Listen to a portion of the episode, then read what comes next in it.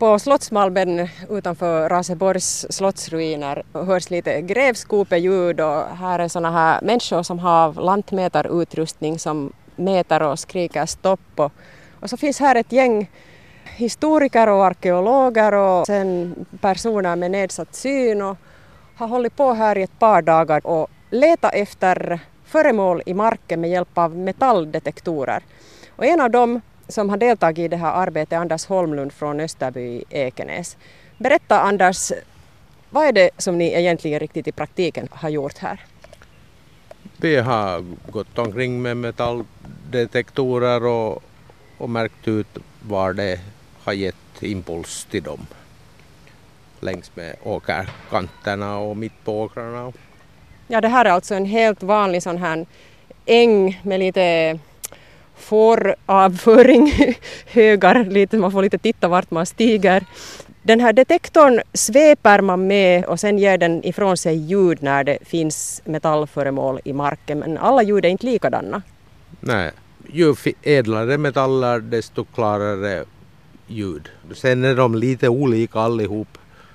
Men den här som jag har gått med idag så var det pling pling riktigt klart och tydligt så då hade det varit ädelmetall. Har du hittat någonting då alltså i, i, som har varit ädelmetall? Nej, endast järn.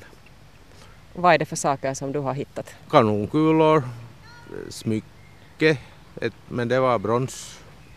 Hur kommer det sig att du är här då? Är du allmänt intresserad av historia och arkeologi? Egentligen inte, men Svenska synskadade Västnyland blev inbjudna och Börje Broberg ringde och frågade om jag var intresserad och jag tyckte det lät intressant och nu är det ännu mer intressant. Ja, så det har motsvarat förväntningarna eller överträffat förväntningarna till och med? Jo, visst hade det. De här föremålen som ni har hittat, vi fick titta på dem här för en stund sedan, de var i en vit plasthink eh, inne i sådana här små minigrippåsar som vi kallar dem, sådana här återslutbara påsar. De är ganska små. Hade du förväntat dig att ni skulle hitta någonting som är, är större storlek? För jag tycker att det största föremålet var en sån här blykula som var kanske 4-5 centimeter ungefär. Jag hade förväntat mig nog och trott att hör man, ett, hör man ljudet i metalldetektorn eh, som är, låter som det skulle vara 40 centimeter långt så kan det vara bara en centimeter. Hur pass väl känner du i övrigt till Raseborgs slottsområde och områdets historia och borgens historia? Nå, till en del har man ju läst i skolan och hört. Och nu hade vi teorikurs om det hela på måndagen. Så vi fick veta allt men att årtal och sånt så fastnar inte i mitt huvud. Nej, men om någon skulle be dig beskriva hurdant livet har varit här då mellan 1300 och 1500-talet när borgen var i bruk så vad skulle du berätta?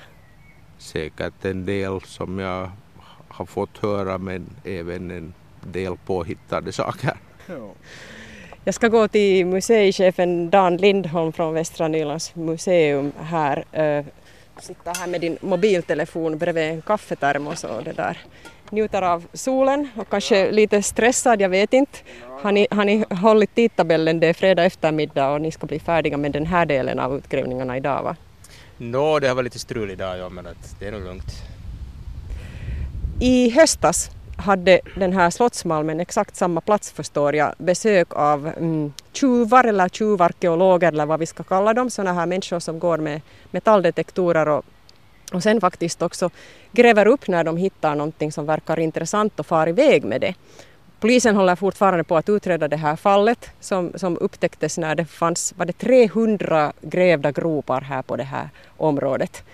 Och du beskrev den här upptäckten som den värsta dagen i ditt yrkesliv. Hur känns det nu när solen skiner och ni är här och, och gräver egna gropar, ni som yrkesmänniskor?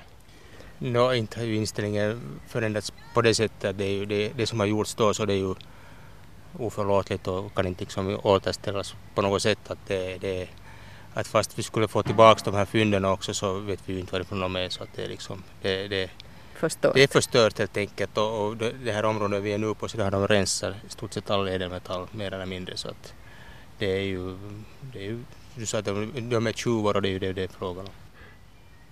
Så det som ni har hittat kanonkulor i bly och sånt främst så beror det då på det att de troligtvis har farit iväg med allt som har varit mera värdefullt? No delvis det. Sen har de ju inte tagit allt förstås, att man missar ju en del att här är så pass en riklig, riklig fyndplats så att här finns ju så, så stora mängder men att det, det, det, är klart att de har varit ute efter de metallerna. Speciellt silver men också annat så att, att det där. Tyvärr så märker vi ju här att den är nästan tom på det. Ändå har ni hittat en, en hel del. Och eh, sen kan jag berätta att ni har förutom de här människorna från eh, föreningen för eh, synskadade också haft med sådana här metalldetektorexperter som inte är tjuvar utan som vill jobba tillsammans med er. Vad kan du berätta om det här? Det här var liksom medvetet att vi ville samarbeta med dem och visa att man kan också göra det på ett ärligt sätt och då får vi genom samarbetet då får vi ut alla parter får ut uh, eh, viljan påstå mycket mer av det hela och, och, och det där. nu får vi bevara de här, de här fynden och de konserverade och, och, och skrivit rapporter och annat. Det blir för framtiden att, att om man går tjuvaktigt fram så försvinner de ju så småningom. Ingen vet att de är ju i princip historiskt eh, liksom vetenskapligt sett så är de ju värdelösa. Att de har inget värde annat än att se att ett, ett gammalt mynt till exempel från ska vi säga, slutet av 1300-talet, jo det har ett, ett värde i sig på det sättet men annat värde har det ju inte. Så, att, så att det, det, finns andra sätt att göra det och det vi också vill, vill visa och, och, och, det där och, och sen då vi skulle oberoende ha, ha gjort den här kartoteringen av det här området nu när vi är här eh, så ville vi slå två flugor på en smäll och göra det med synskadade och det fungerar, fungerar jättebra. Så här finns nu plats på, har funnits på plats människor med nedsatt syn, metalldetektorentusiaster och ni från museet, arkeologer från Helsingfors universitet och grävmaskinsförare och, och hundar som de här synskadade människorna haft med sig. Så det har varit ett ganska stort och brokigt gäng. Plus de personliga assistenterna, att, att eh, det här är ju inte möjligt utan att man har hjälp och, och det här baserar sig på, eller utgår från det att de bildar en grupp, alltså den, den, den synskadade, sen personen med metalldetektor och sen den personliga assistenten så tillsammans bildar en grupp och, och gemensamt går igenom det här området.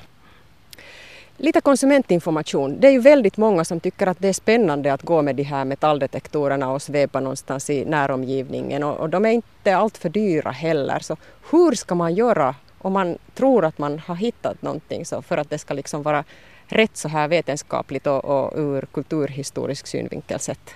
No, om man hittar, hittar någonting från, från, i, i terrängen så om man tror att det är gammalt så ska man meddela till museimyndigheterna. Man kan göra det till oss, till Västra Nylands landskapsmuseum eller, eller till Museiverket eller sen något lokalt museum som är nära en och, och levererar det sen vidare. Är det okej okay att om detektorn ger en signal att här finns nu någonting som kanske bling bling som Anders sa här just, att gräva upp det själv eller gräva en grop? No, om, om äh, man har markägarens tillstånd och uh, det är inte ett fornminne eller fornlämning så då är det visserligen okej. Okay. Men om man har, har ska vi säga markägarens tillstånd på en åker och, och det, det plingar till så visst får man gräva fram det. Men sen när man ser att det är ett, ett, ett gammalt föremål som man tror att det är äldre än 100 år, 100 år är inte så lång tid, så det är då fredat enligt fornminneslagen och då är man skyldig att meddela om det och lämna in det någonstans. Åtminstone kolla vad det är för något. För det är så att inte museimyndigheterna tar emot det eller, eller eh, sätter det i sina samlingar så då får man det tillbaka. Så att eh, det är ju en skyldighet faktiskt som man har att det, man bryter mot lagen egentligen då om man inte gör det.